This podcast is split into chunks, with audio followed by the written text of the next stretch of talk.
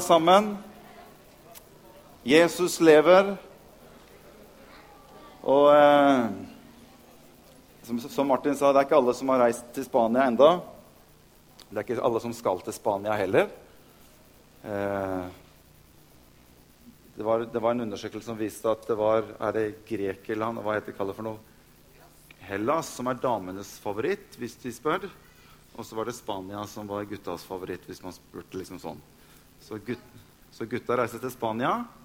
Så jeg er den som tar avgjørelsen hjemme hos oss. Så eh, sånn er det. Noen fordeler må man ha. Men det er mange som feirer, eh, feirer eh, sommeren i eh, vårt vakre land Norge også. Så eh, jeg har bare først av alt bare få lov til å, kunne få lov til å ønske dere en riktig god sommer, alle sammen. Eh, kos dere. Slapp av. Vær sammen med venner, vær sammen med familie, vær sammen med Jesus. Finn deg en god bok. Eh, finn deg en bok som kan løfte deg opp. Eh, du som er kvinne, kan bytte ut eh, sommerroman med et eller annet annet. Jeg har utfordret Anette på det. at Innimellom så les annet enn Daniel Steele, eller hva det heter for noe. Men ja, så En liten utfordring. Dere mannfolk også. Ikke Tom Clancy, er det han heter. Men få en sånn skikkelig Det som kan være smart Poenget mitt er litt rundt det vi snakker om, dette med å fornye sinnet vårt. Poenget mitt er det at det kan være bra å tappe inn Tap into, det er jo engelsk. Det kan være bra å koble seg på det som har med Guds rike av og til. Selv i sommerferien. Istedenfor at vi liksom tenker at nei, nå tar vi sommerferie liksom fra alt sammen. Så det å, kunne, det å kunne Takk igjen av. Det å kunne ta og ha med seg noe som gjør at man kan og et, et, godt råd er Det finnes veldig mange gode sånne. Jeg vet ikke om noen av dere bruker det. sånn Et ord for dagen. Sånn 365 eh, ord. Ett for, et for hver dag. Det er en bra greie å ha med ha med det på iPaden din eller en bok. Så slår du opp om morgenen eller før du legger deg, så leser du den, og så får du en liten sånn andakt med den, den dagen. Det er en god anbefaling når vi reiser til uh, hvert for oss. Så får vi liksom koble oss på. Og det er utrolig hvordan et lite vers med en liten kommentar i en sånn bok kan være med på å gi oss noe Gi oss noe i vårt hjerte, i vårt sinn, i vår tanke. Og så blir det en oppmuntring og noe godt for den dagen. Og garantert så kommer du til å tenke på det løpet. Det som sto der, egentlig var veldig bra. Og så kan det plutselig bli et samtaleemne man begynner å tenke på det, og så blir det noe veldig bra. Så det er en sånn anbefaling til oss alle sammen når vi går ut i sommerferie. Bra. Jeg er hva Guds ord sier jeg er. Jeg har det Guds ord sier jeg har. Og jeg kan gjøre det Guds ord sier jeg kan gjøre. Jeg er hva Guds ord sier jeg er. Jeg har det Guds ord sier jeg har. Og jeg kan faktisk gjøre det Guds ord sier jeg kan gjøre. Jeg har gledet meg veldig til å dele denne del to, det som vi kaller for Tankens ABC. Vi har vært gjennom en del sånne ABC-serier utover våren.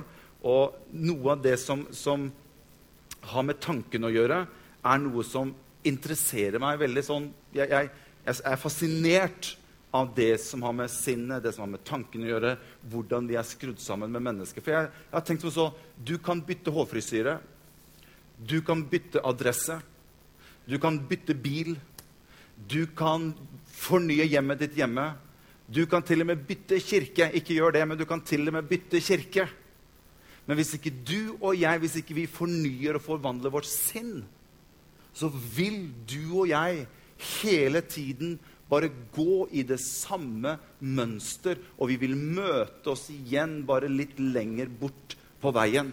Fordi at forandring skjer ikke utenfra og inn, men en forandring vil alltid skje fra innsiden og ut.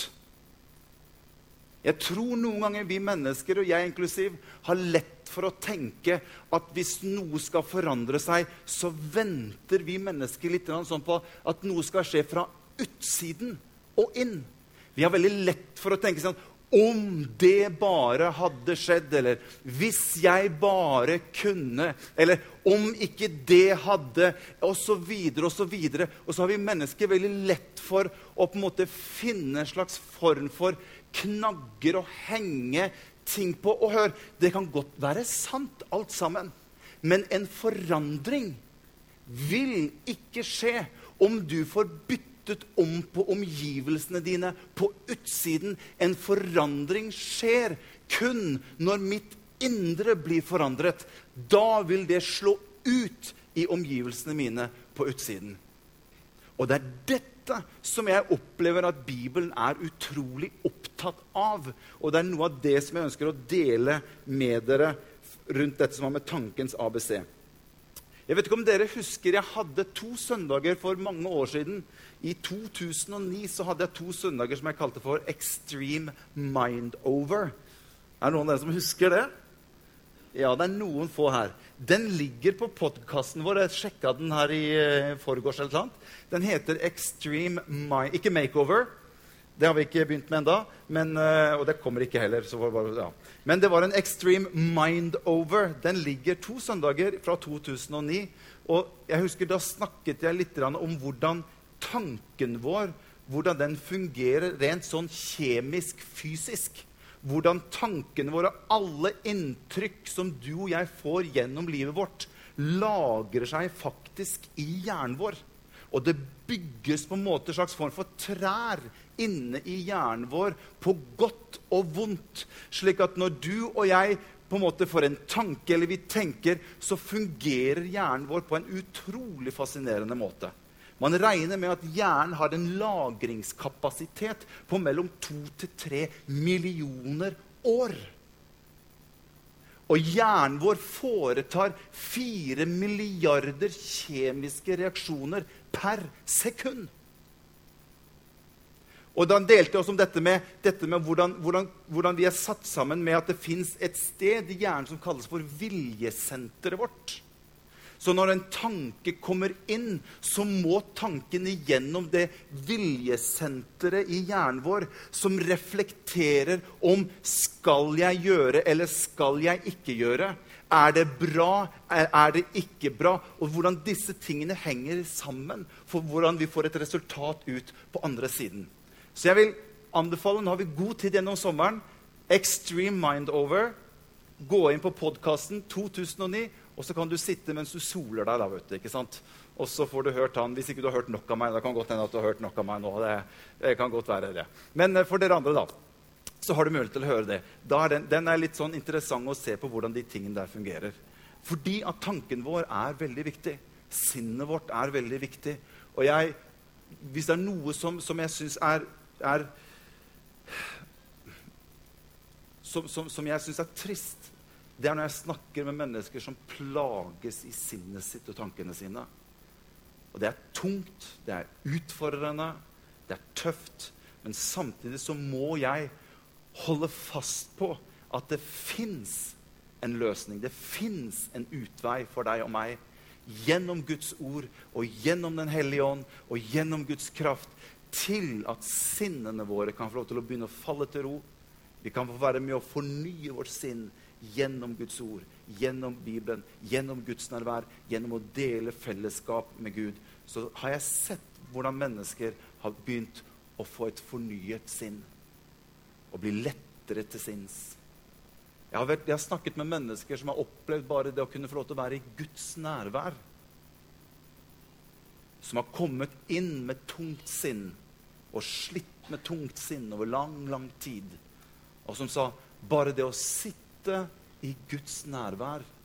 Bare det å høre dere lovsynge Når jeg gikk ut ifra de møtene, så var jeg lettere til sinns enn når jeg kom. Og bare ved å komme igjen og igjen og igjen, så var det en legedom for sinnet mitt og for tankene mine. Fantastisk. For jeg tror Guds nærvær er balsam for min sjel. Og i min sjel så har jeg det som har med sinn og med tanker og følelser og det å tilbringe tid i Guds nærhet.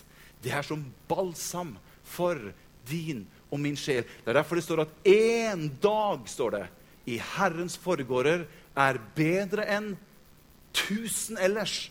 Hvorfor er det det? Jo, for det gjør noe med meg. Fantastisk.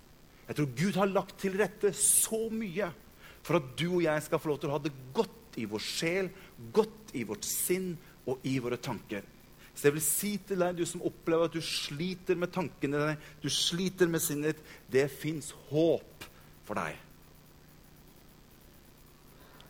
Flott. Halleluja. Jeg har lyst bare å lese et vers. Vi skal gå inn, inn i Guds ord her. Fra Hebrevet kapittel 12 og vers 16. Men hvis du skal se noe der, Vi skal gå inn, inn, inn, i teksten. Jeg skal gjøre det enkelt, for dette er ABC. Jeg ønsker ikke å gjøre det vanskelig og tungt, men jeg ønsker å gjøre det veldig enkelt. Men det står noe interessant i Hebrevet kapittel 12. Hvis vi antar da at det er Paulus som har skrevet dette til til, til hebreerne. Man regner med kanskje at disse hebreerne det var de kristne i Jerusalem som det ble skrevet et brev til. og Man har liksom ikke greid helt å lande på hvem som har skrevet hebreerbrevet. Men vi, noen antar at det er Paulus, så la oss bare si at for i formiddag da, at det er Paulus som har skrevet dette. Så skriver han i kapittel 12 og vers 16 så sier han Sett til at ingen driver hor og lever ugudelig som Esau. Så står det som solgte førstefødselsretten sin for et eneste måltid mat. For dere vet at han etterpå, da han ville arve velsignelsen det skal være et mellomrom, ble forkastet. Og så står det For han fant ikke noe rom for omvendelse, selv om han søkte den med tårer. Esau kommer, han var en jeger. Esau kommer tilbake til leiren etter å ha vært ute på en lang tid på jakt. Og Esau er sulten. Og han kommer tilbake til leiren sin. Og i dette momentet så hadde Jakob sammen med sin mor laget ferdig en skål med suppe. Og når Esau kjente lukten av den suppa, så var det et eller annet som meldte seg bare hos Esau. Den suppa fikk jeg veldig lyst på. Og Jakob Jeg skal ikke legge skylden på at Jakob at han jeg vil ikke si at han lurer Esau. Men det skjer et eller annet her som gjør at Jakob er på jakt etter å bli velsignet av sin far Isak. For det var egentlig Esau som hadde tilgang til førstefødselsvelsignelsen fra far. For han var den, Esau og Jakob var tvillinger, men Jakob, Esau hadde faktisk kommet først ut. Så sånn sett hadde han retten på å bli lagt hendene på av Isak og velsignet med det som var godene av det å bli velsignet som førstefødselsretten til det. Jakob var litt ute etter den der, skjønner du. Så når Esau kommer tilbake fra jakt så har Jakob laget en bolle med suppe. Kan godt hende han kjente Esau litt. Grann. Så han sier at OK, Jakob Nei, Esau, vi kan gjøre et bytte. Her har jeg mat. Bare lukt. Esau, bare kjenn den aromaen. Nydelig suppe. Vi gjør et lite bytte. Du får denne suppen, du får den skålen med suppe, og så går jeg inn til Isak og blir velsignet. Hmm. Hva tror du foregikk inni hodet til Esau? Og det er det han gjør. Han sier, 'OK, jeg tar suppa'. Han byttet bort velsignelsen sin for en, supp, for en skål med suppe. 30 minutter med håper å si, tilfredsstillelse for det han hadde lyst på mot 30 år av resten av livet hans i velsignelse for Gud. Det er det som skjer. Og han skjønner etterpå. For poenget mitt er det som står etterpå. Skjønner, det er ikke akkurat det der med at han byttet for det. Men det, han gjorde noe dumt. Det var det han gjorde. Esau gjorde noe dumt. Men jeg mener, det er jo flere av oss som har, har gjort noen gang. Jeg vet ikke om det er med deg, men jeg gjorde noe dumt. Jeg gjorde noe dumt uh, når var det jeg gjorde noe dumt, da? Skal vi se Nei, det var ikke meg. Det var. Det var, jeg, jeg må Hva, når, var, Anette, når var det jeg gjorde Nei, du skal ikke få lov til å komme inn på Men skjønner, det, det, er ikke på en måte poeng, for at vi alle sammen vi har gjort dumme ting. Er dere med? Eller kjenner ikke dere dere igjen? Hvor du har sittet på sengekanten om morgenen og bare tenkt meg sjøl Hvordan i all verden Hvorfor gjorde jeg det? Men det er på en måte ikke poenget i teksten her. Men det er det som på en måte ligger litt bak her. For det står at Esau søkte omvend. Han angra seg.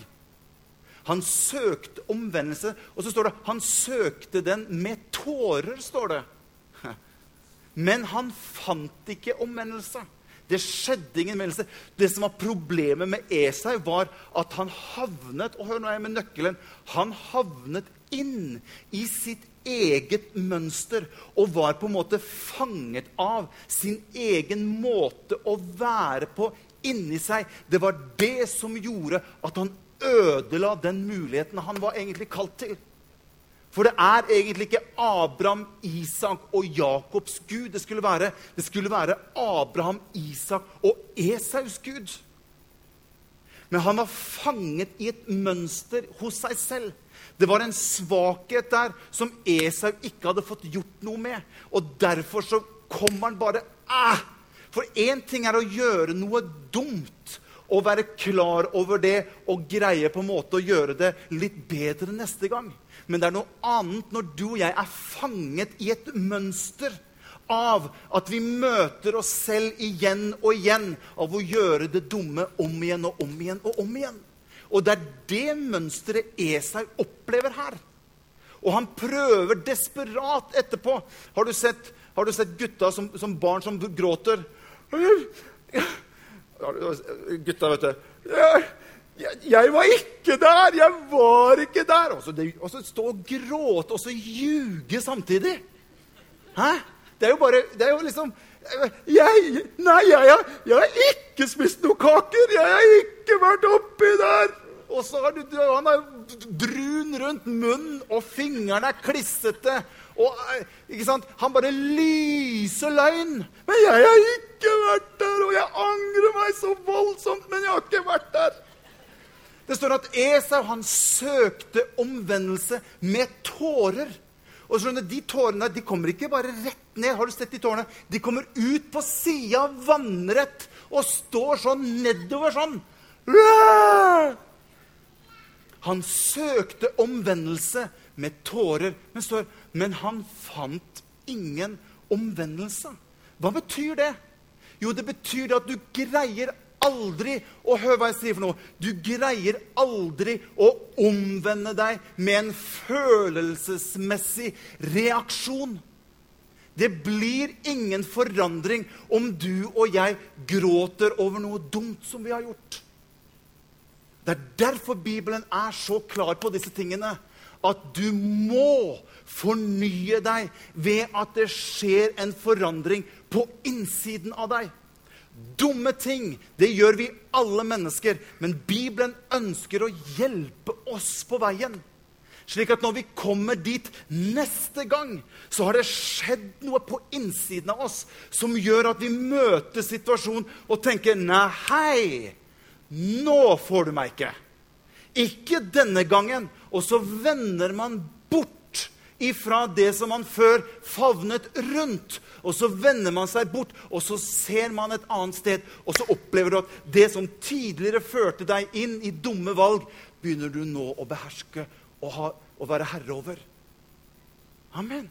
Det er når du og jeg begynner å få et forandret sinn og en annen måte å tenke på. Og det er disse tingene her som Gud ønsker å hjelpe deg og meg. Se hva som står i Romerne 12, vers 2. Henger dere med? Romerne 12 og vers 2. For der er det hovedverset. Bli ikke dannet lik denne verden. Når det står 'denne verden' der, så er ikke det ment liksom den fysiske jordkloden verden. Det er den verden vi lever i, det er den samfunnet vi lever i. Det er de mønstre, det er de tankesett, det er de måtene å, være, måte å, å, å si, ha verden på. Det er det som menes her. Bli ikke dannet lik denne verden. Bli forvandlet ved fornyelsen av deres sinn Og så står det 'Hvorfor skal du og jeg gjøre det?' Jeg satt her og tenkte på det. Hvorfor skal jeg fornye sinnet mitt? Hva er poenget? Jo, poenget er det som står etterpå. Så dere kan prøve hva som er den gode, velbehagelige og fullkomne Guds vilje. Ja, for hvem? Jo, for mitt liv.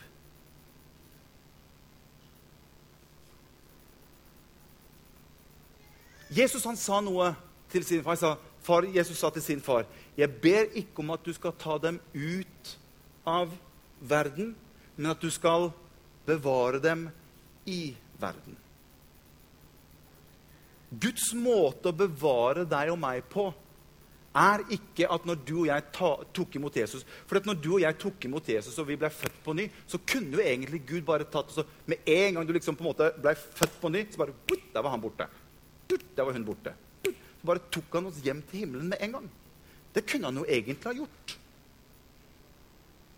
Men han, han, han ønsket at vi skulle være her for også å få lov til å være et vitnesbyrd for andre mennesker.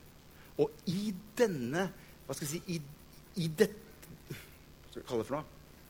I denne greia her Det er et greit ord. Det er et godt norsk ord. I denne greia her. Dere som er lærere, må bare ha meg unnskyldt. Men oppi dette så sier Paulus La deg forvandle ved at ditt sinn fornyes, så du kan lettere skjønne, og oppleve og erfare hva som er Guds fullkomne, Guds velbehagelige og gode vilje. Det er for vår del at han ønsker dette. Se, Message-oversettelsen har jeg bare laget en liten norsk, norsk utgave av. Det pleier jeg å gjøre. Se hva som står der. Der står det 'Ikke bli så veljustert i forhold til din kultur' at du passer så inn i den uten at du i det hele tatt tenker over det. I stedet rett din oppmerksomhet mot Gud og bli forvandlet fra innsiden og ut, så du til enhver tid er klar til å forstå hva Han ønsker fra deg, og du raskt kan respondere tilbake. Da vil du forstå hva som er Guds gode, velbehagelige og fullkomne vilje. Det skjer en prosess på innsiden og ut som gjør at jeg lettere oppfatter i livet mitt hva Gud ønsker. Og det er den radaren vi finjusterer når vi fornyer sinnet vårt. Det er den kommunikasjonen der, det er den greia som skjer når jeg fornyer sinnet mitt og kommer på en måte at Guds ord får lov til å begynne å, å, å, å gjelde i livet mitt. Er du med?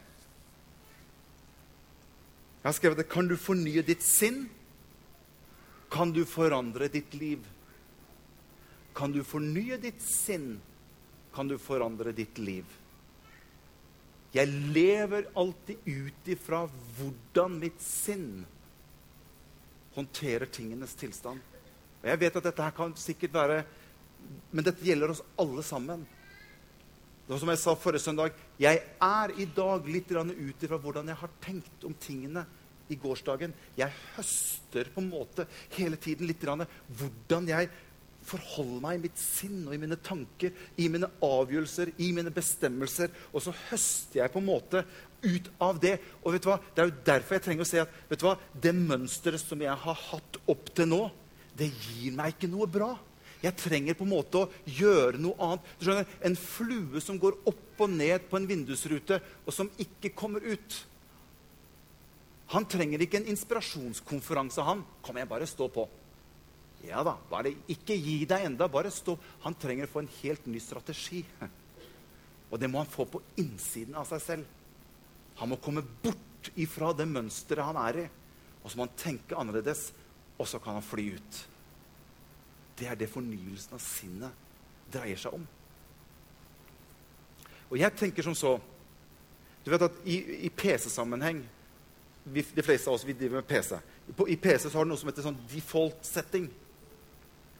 Ikke sant? Det er noen ganger irriterende. Men bare, sånn for, bare for å beskrive hvordan det fungerer Default det er jo hvordan den er i utgangspunktet. Når jeg skriver inn en tekst, så kan jeg bytte font. Sånn at jeg får et annet uttrykk eller annen fonttype når jeg skriver.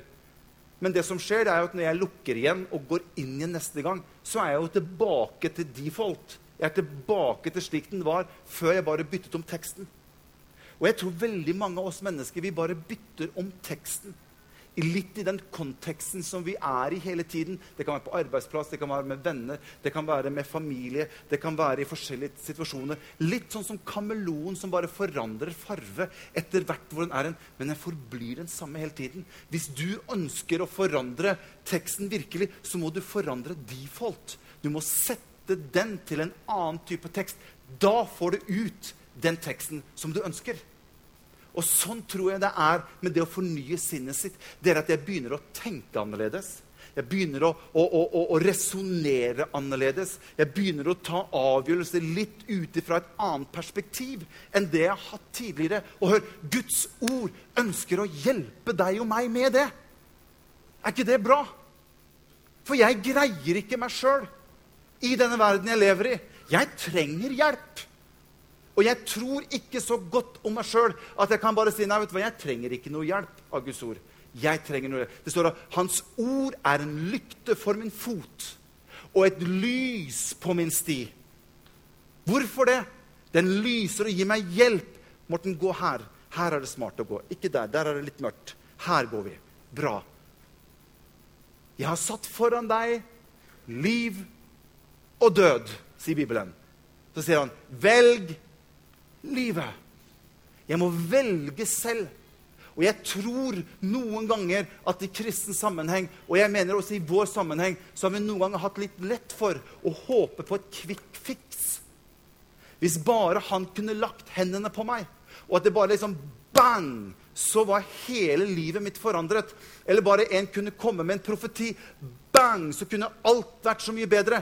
Hvis at det kunne bare skjedd en sånn kjempe sånn rask greie med meg, så har vi kanskje hatt litt lett for å tenke at det, vi søker den veien. Men jeg tror på gudsopplevelser, og jeg ønsker gudsopplevelser. Men jeg ser også i Bibelen at det står 'La deg bli forvandlet ved at ditt sinn fornyes'. Og det er en prosess. Det er ikke et quick fix. Det er en prosess. Og du og jeg, vi er nødt til å stå ansvarlig i den prosessen. For Gud tvinger seg ikke på deg. Gud er ikke sånn som kjører på deg, tvinger deg til å ta en slik prosess og få et fornyet sinn. Du og jeg er ansvarlige for våre egne liv, for våre egne, for våre egne sjeler, for våre egne tanker osv. osv. Det er det du og jeg som er forvalter av. Men han ønsker å være med oss. Derfor så trenger vi et fellesskap som kristne. Derfor trenger jeg å være sammen med andre kristne. Derfor trenger jeg life-grupper å være i. Derfor trenger jeg å være sammen med andre mennesker som kan være med å inspirere meg inn i mitt liv. Være med å gi meg gode ord på veien, være med å støtte meg i prosessen. Være med å inspirere meg med god forkynnelse. Fantastisk forkynnelse. Ja, da var det bare en spøk. Jeg tok meg i det sjøl. OK. Se her. 2. Korinterbrev kapittel 5, vers 17. Jeg skal ikke holde dere lenge her i dag. Du ser Jeg har tatt sommerklippen, så jeg er klar. vet du. Så nå er vi klar. Andre, men vi, Jeg har en liten pakke jeg ønsker å dele med dere her. 2. Korinterbrev kapittel 5, vers 17. Se her. Om noen er i Kristus, er han en ny skapning. Og dette skjønner jeg ikke, men jeg skal prøve å forklare det. Det gamle er borte, og alt er blitt nytt. Fantastisk! Alt blir nytt. Bare kom til Jesus og gi ditt liv til Jesus, så blir alt nytt. Vet du, Jeg hørte om han som ble så skuffa, for han sa han da predikanten hadde sagt at 'din gjeld er slettet ut'. Så han sa at det er jo veldig bra. Så kom han hjem og så fikk han noen nye regninger fra banken og skjønte at gjelda var jo akkurat like stor som forrige gang. Så han liksom, ja, Men alt hadde liksom ikke blitt helt nytt. Ja, Men det står jo her. Om noen er i Kristus, så er han en ny skapning. Det gamle er borte, og alt er blitt nytt. Men når du tok imot Jesus, fikk du ny hårfrisyre da? Forsvant gjelden din? Og alle de andre tingene i livet vårt som vi jobber med til hverdags? Skjedde noe med det? Noen kan oppleve at noen ting skjer. Absolutt. Gud er god, han ønsker å, å Men likevel så vil de fleste av oss oppleve at gjelden i banken vår den er der fortsatt. Tenk hvis det var sånn at vi kunne si her oppe at hvis du tar imot Jesus, så garanterer jeg at gjelda di er borte i morgen. Jeg lover deg, det hadde blitt for liten plass her. Men tenk, bare, bare tenk tanken. Jeg har tenkt tanken, faktisk. Det har jeg. Men eh, Herren sa til meg det der går ikke, Morten. Det der går ikke. Du må ikke si det. Nei, jeg skal ikke si det, sa jeg til Gud. Jeg skal ikke si det. Men, men saken er, hør Når jeg tar imot Jesus og blir født på ny når jeg, når jeg, opplever at Jesus tar bolig i mitt hjerte, så sier Bibelen at jeg blir født på ny. Jeg blir en ny skapning. Hva er den skapningen? Jo, det er evigheten inni meg som blir født på ny. Jeg blir helt ny. Og den blir så ny, og den blir 100% i orden, som gjør at jeg er klar for himmelen.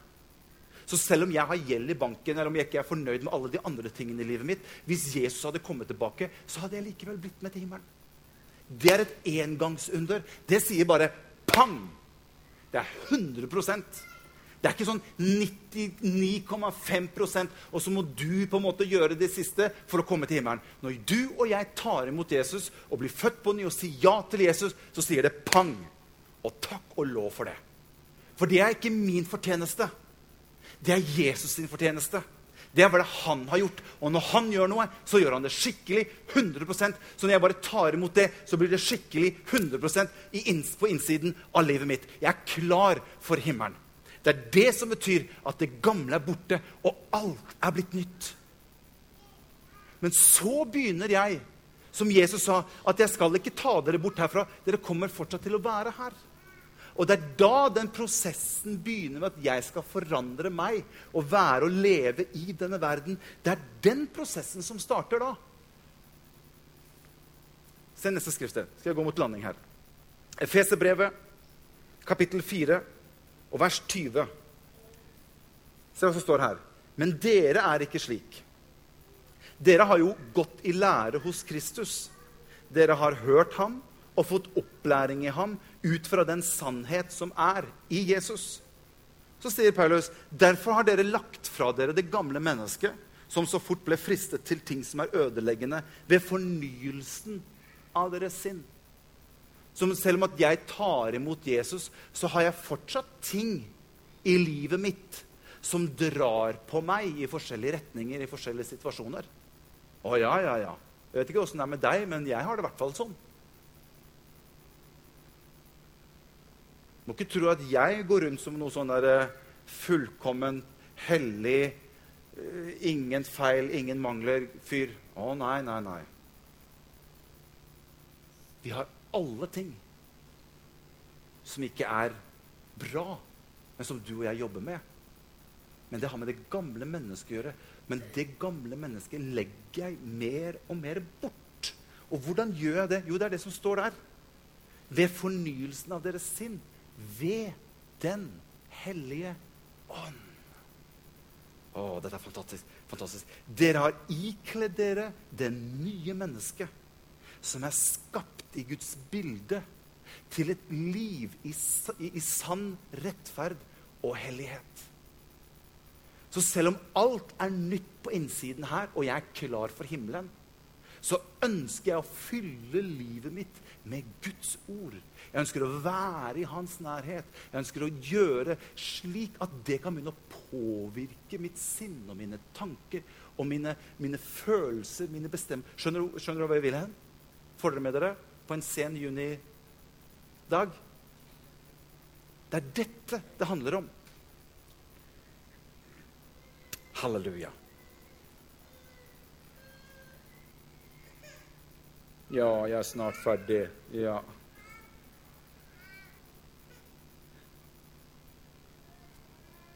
Hmm. Så hvordan skal vi gjøre dette, da? Jo, Paulus han snakker om Gi meg to minutter til, så er jeg ferdig. Paulus han snakker om noe Han starter romerbrevet sitt, kapittel 1 og vers 5. Se hva som står der. Paulus han sier noe spennende. Han sier at ved han, Jesus, har jeg fått nåde og aposteloppdrag. For at jeg skal føre mennesker av alle folkeslag, så står det til lydighet i tro til ære for hans navn. Det er noe i, i det kristne liv som kalles for lydighet. Og Det er ikke sånn å høre på pappa, selv om det er veldig greit, det også, gutter. Det er veldig greit å høre på pappa og være lydig. Men denne lydigheten her er noe annet. Det har noe med å være lydig mot det Jesus har gjort for oss. Det Jesus har tilgjengeliggjort for oss. Se hva som står videre i Filipperne kapittel 2 og vers 12. Filipperne 2 og vers 12. Der står det, mine kjære, dere har jo alltid vært lydige mens jeg var hos dere. Når Paulus var der, så var de lydige, vet du. Så vær det enda mer nå når jeg er borte, og arbeid på deres egen frelse, sier Paulus. Jaha, ja, men er ikke jeg fullkomment frelst? Er ikke alt nytt? Er det ikke 100 Jo, men så Paulus sier, det her er deres egen frelse. Det her handler ikke om om du kommer til himmelen eller ikke. Det her handler om ditt liv sammen med Jesus. Her nede på jorden. Arbeid på deres egen frelse med frykt og beven. Så står det For det er Gud som virker. Her er bra. I dere både å ville og å gjøre etter hans gode vilje. Gjør alt uten misnøye og innvendinger, så dere kan være uklanderlige og rene, Guds barn uten feil, midt i en vrang og fordervet slekt. Dere skinner blant dem som lys i verden og holder fast Ser du hva det står? På livets ord. Og jeg skal få den ros på Kristi dag at mitt strev og mitt livsverk ikke har vært forgjeves. Han snakker om å være lydige, og han snakker om at vi skal arbeide på vår egen frelse. Hva betyr dette? Jo, kort forklart. Jeg tar imot Jesus, jeg er klar for himmelen. Så begynner min ansvar, min jobb. Men hør, selv om det er mitt ansvar og min jobb, så har jeg likevel fått Den hellige ånd i mitt hjerte. Og Den hellige ånd er en fantastisk ressurs for deg og meg hvis vi slipper han til. Og sammen med Den hellige ånd i mitt hjerte så kan jeg starte å begynne å fornye mitt sinn og mitt sjel og mitt sjelsliv. Og det gjør jeg gjennom Guds ord. Det er det som skjer når jeg arbeider på min egen frelse. For dere som er litt sånn bibelsprengte, det ordet 'frelse' det er et annet ord enn når det står om du skal tro ditt hjerte og bekjenne med din munn, og du skal da bli frelst. Dette er et litt annet frelsesord, selv om vi på norsk bruker samme ord. Dette handler om en frelse hvor du og jeg bearbeider og jobber på noe som ikke er fullkomment enda. Så når jeg tar imot Jesus, så inviterer jeg Den hellige ånd med meg og sier, 'Kan ikke du hjelpe meg i å fornye mitt sinn og mine tanker og følelser?' Kan ikke du, kan ikke du hjelpe meg på det området her? Her, her? her, merker jeg her sliter jeg. Her sliter jeg. Her kommer jeg fort opp i samme mønster som jeg har gjort i årevis. Og jeg blir like sint på meg selv hver gang jeg kommer hit. Og så bommer jeg igjen. Hellige Ånd, Hjelp meg, her. Hva kan vi gjøre for noe? Og da er det sammen med Den hellige ånd som kan begynne å virke på deg i ditt sinn. Og Men vet, hvis du aldri gir Den hellige ånd og Guds rike og Guds ord et minutt, så har ikke Guds ånd og Guds ord noen mulighet til å påvirke deg i det hele tatt. Så du kan ikke bare regne med at selv om du er født på ny, selv om du er frelst og på vei til himmelen, så kan ikke du bare regne med at ja, hvis jeg kommer opp det, så regner jeg med at han griper inn. For han er så god. Jo da, Gud ønsker å gripe inn, men du er nødt til å la han få lov til å komme til i livet ditt og mitt. Derfor har Den hellige ånds store oppgave det er med å hjelpe deg og meg til å vende oss om i de områder som vi syns er vanskelig og tøffe. Og det begynner da med at vi får sinn fornyes. Det kan være tøft. Det kan være vanskelig. For noen ganger, sånn som Esau Åh, det lukta godt av den suppa. Åh, jeg har så lyst på den suppa. Men jeg bytter bort fødselsvelsignelsesretten. Men nei, nei, jeg tar suppa. Pang. For mønsteret hans hadde ikke blitt noe annerledes. Han var den fortsatt den samme på det området. Her ønsker Gud å hjelpe oss. Halleluja. Ikke det bra? Jeg trenger det. Jeg trenger det masse. Og Derfor så passer jeg på å fylle meg med mye Guds ord. Høre på mye taler. Høre på lovsang. Være i Guds nærhet om igjen og om igjen. og om igjen, om igjen, om igjen, om igjen. Jeg trodde aldri når jeg var gutt, at jeg skulle synes det var noe gøy med dette med Guds ord. Og jeg, jeg, åh, åh. Unnskyld meg, altså. Men uh, jeg, jeg, jeg, så jo fattern. Han leste Bibelen. Jeg tenkte hva er det, hva er det, er det der så kult? Er det der så, hva er det for noe? Men plutselig så begynner det å komme en situasjon at det Guds ordet plutselig gir deg noe tilbake. Plutselig begynner du å merke at noe skjer, et eller annet i tankene, et eller annet som bare korresponderer med noe hos deg. Plutselig får det en mening, en betydning, et eller annet. Og da skal du se.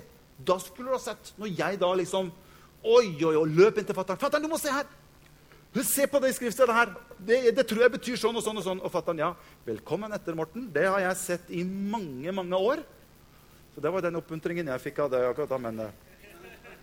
men da begynte det ordet å gi meg noe. Og det er det som er så spennende. Du trenger ikke å lese gresk. Det er ikke det jeg mener. Men finn noe i Guds ord. Få tak i noen bøker eller noen talekassetter eller et eller annet. Det var noen som sa på leiren til Slora at, at en dame sa at 'Jeg hører mye på Joyce Meyer'. Joyce Meyer er bra. Vet du hva? Joyce Meyer er veldig bra. Hør på Joyce Meyer. Hun har fantastisk mye bra i undervisningen sin. Og veldig mye bra rundt dette med fornyelsen av ditt sinn. Det er mange som vi kunne anbefalt dere hører på. Fyll deg med Guds ord. Jeg grunner på Hans ord, står det. Natt og dag. Jeg trodde at det var at jeg skulle grunne på Hans ord om natta. Det har ikke jeg så veldig lys over, for det har jeg aldri greid å være så veldig flink på. Jeg vet ikke om det er noen her som er veldig flink på å grunne på Guds ord på natta. Men vet du hva jeg tror det betyr? Jeg tror når det er natt i mitt liv, når det er mørkt og vanskelig og helt mørkt rundt meg, når det er natt, så holder jeg fortsatt fast på hans ord. Jeg grunner på hans ord i gode tider og dårlige tider. Jeg har det med meg hele tiden. Amen. Så jeg vil bare sende dere ut i sommerferien.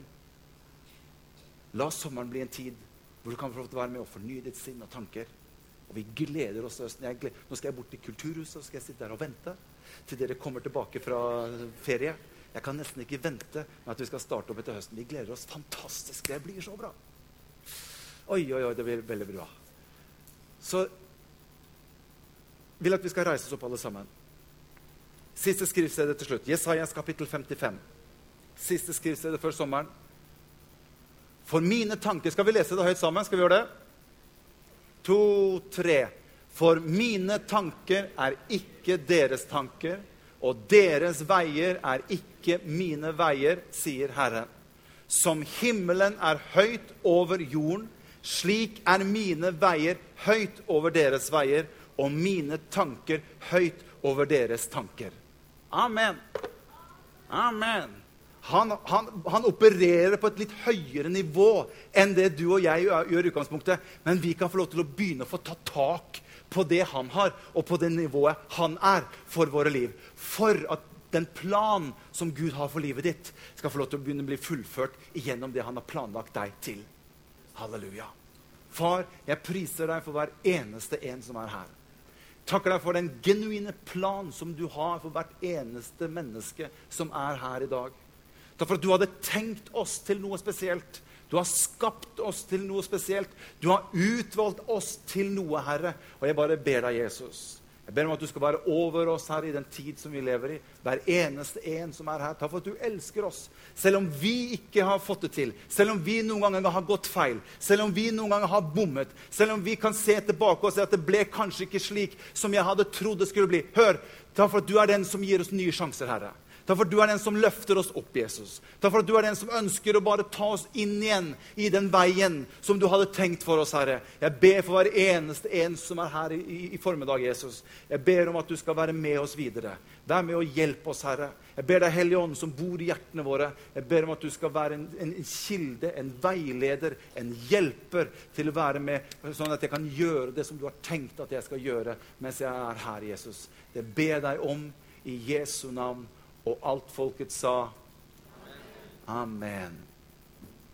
Amen. Det gjør det godt. Det gjør godt.